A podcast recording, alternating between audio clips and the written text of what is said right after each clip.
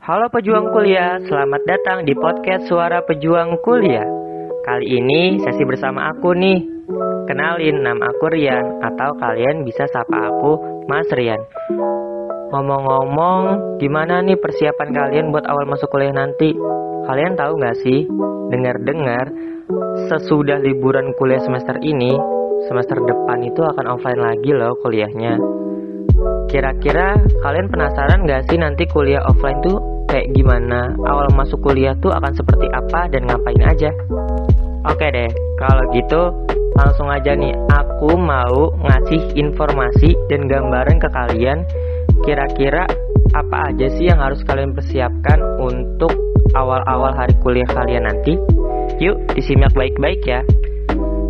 Nah, yang pertama itu kalian terutama kalian yang datang dari luar daerah ya atau kalian yang merantau kalian tuh harus buru-buru tuh cari yang namanya kosan. Kenapa? Ya supaya nggak kehabisan karena cari kosan itu gampang-gampang susah loh. Kalian juga harus mencocokin harga, cocokin suasana dan lain sebagainya. Nah, terutama untuk kos-kosan yang lebih dekat dengan kampus, biasanya itu lebih cepat habisnya dibandingkan kosan yang jaraknya jauh dari luar kampus. Ya karena apa? Ya karena ketika kita ngekos dekat dengan kampus, hal tersebut akan memudahkan kita untuk bermobilisasi atau melakukan kegiatan.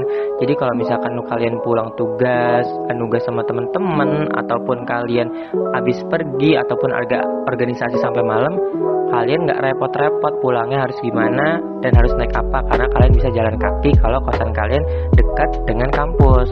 Nah, aku juga punya tips and trick nih untuk kalian memilih kosan. Nah yang pertama itu kalian tuh harus banget nyari kosan yang deket sama tempat-tempat makan di juga eh, warung-warung laundry gitu ya untuk mempermudah kalian nantinya kalau misalkan kalian mau nge-laundry ataupun kalian mau mencari makan. Nah yang kedua kalian kalau ngekos tuh bakal mau nggak mau nih terpaksa untuk mengurus diri kalian secara mandiri. Udah nggak bisa lagi nih namanya itu meminta bantuan secara gampang dibandingkan ketika kita di rumah. Nah, karena apa? Ya karena orang-orang itu akan sibuk sendiri nantinya. Jadi kalau bisa jangan menggantungkan diri sama orang lain ya, baik sama teman kosan maupun sama teman kampus. Bukannya mereka egois atau nggak mau membantu, karena pada saatnya mereka akan sibuk dengan kegiatan mereka masing-masing. Nah, yang ketiga, awal kuliah tuh pasti ada kegiatan yang namanya ospek. Pasti kalian udah familiar kan sama yang namanya ospek ospek tuh apa sih?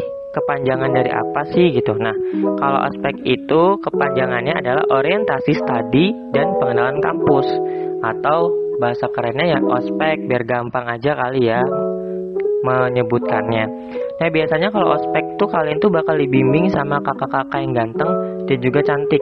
Tapi jangan salah, kalian kalau misalkan ngelakuin sesuatu yang melanggar peraturan, kakak-kakak ganteng dan cantik itu bisa juga menghukum kalian karena ya emang kalian salah ya. Nah, ospek itu juga ada banyak macamnya. Ada ospek universitas, ada ospek fakultas dan juga ada ospek jurusan yang kebijakannya tentu berbeda dari universitas satu ke universitas yang lainnya. Nah, kalau di ospek ini tuh aku saranin ya coba kalian manfaatin buat kenalin sama banyak orang perbanyak teman, perbanyak relasi, entah itu teman seangkatan ataupun kakak-kakak tingkat. Nah, kalau kakak-kakak tingkat ini biasanya kalau ospek tuh suka tebar pesona dan sok senioritas gitu, tapi sebenarnya niatnya baik karena sebenarnya yang mereka tuh anak mereka tuh biasanya asik dan seru-seru banget. Nah, kalau kalian mikir ospek itu serem, kejam dan segala macam, kalian tuh salah. Sebenarnya ospek itu diadain supaya kalian tuh jadi deket antar angkatan, lebih peduli sama lingkungan sekitar kampus dan masih banyak lagi manfaatnya. Pokoknya ospek itu adalah suatu hal yang nggak boleh kalian lewatkan ya ketika kuliah nanti. Nah ospek tuh nggak seserem yang kalian kira-kira kok nggak seserem yang ada di sinetron atau film. Justru ospek itu akan berkesan banget. Jadi sekali lagi aku minta jangan sampai ketinggalan yang namanya ospek ya. Oh ya by the way aku punya cerita nih. Dulu tuh pas awal masuk kuliah kita kan itu tergabung dari berbagai daerah ya dengan bahasa yang berbeda-beda dan logat yang berbeda-beda. Nah kadang tuh ada hal-hal lucu aja gitu. Kalau misalnya kita lagi ngomongin sesuatu sama orang yang bahasa atau logatnya beda gitu kita mau nyampein A susah mau nyampein B susah dia nyampein A susah mau nyampein B susah terus akhirnya kita jadi ketawa sendiri karena kita sama-sama bingung gitu bagaimana mengekspresikan suatu kata gitu tapi hal itu tuh justru jadi berkesan banget tuh di awal-awal kuliah yang nantinya itu bakal kalian ingat di semester akhir ataupun pas tadinya kalian udah lulus kuliah. Nah sebenarnya itu perbedaan bahasa itu seharusnya nggak kalian lihat sebagai penghambat sosialisasi kalian ya. Justru hal tersebut itu harus kalian lihat sebagai hal yang positif karena dengan kayak gitu kalian itu akan lebih aware bahwa kita tuh emang hidup dalam perbedaan melalui bahasa yang berbeda-beda yang mana kita harus saling menghargai dan saling mengerti satu sama lain. Nah, itu dia beberapa hal yang akan kalian temuin saat masuk kuliah nanti. Jadi, kalian harus persiapkan diri dengan sebaik-baiknya ya. Siapkan strategi untuk menerapkan hal-hal yang udah aku sebutkan tadi. Pokoknya kalian tuh harus ready untuk memasuki dunia perkuliahan nanti ya. Ingat Ingat kata aku baik-baik, pokoknya kuliah itu seru banget kok. Banyak banget pengalaman yang gak kalian dapat di masa-masa sekolah dulu deh. Kalian tuh akan dapat ya di kuliah. So, buat para pejuang kuliah, semangat ya untuk uh, mempersiapkan masa depannya dan juga karir cemerlang di masa depan.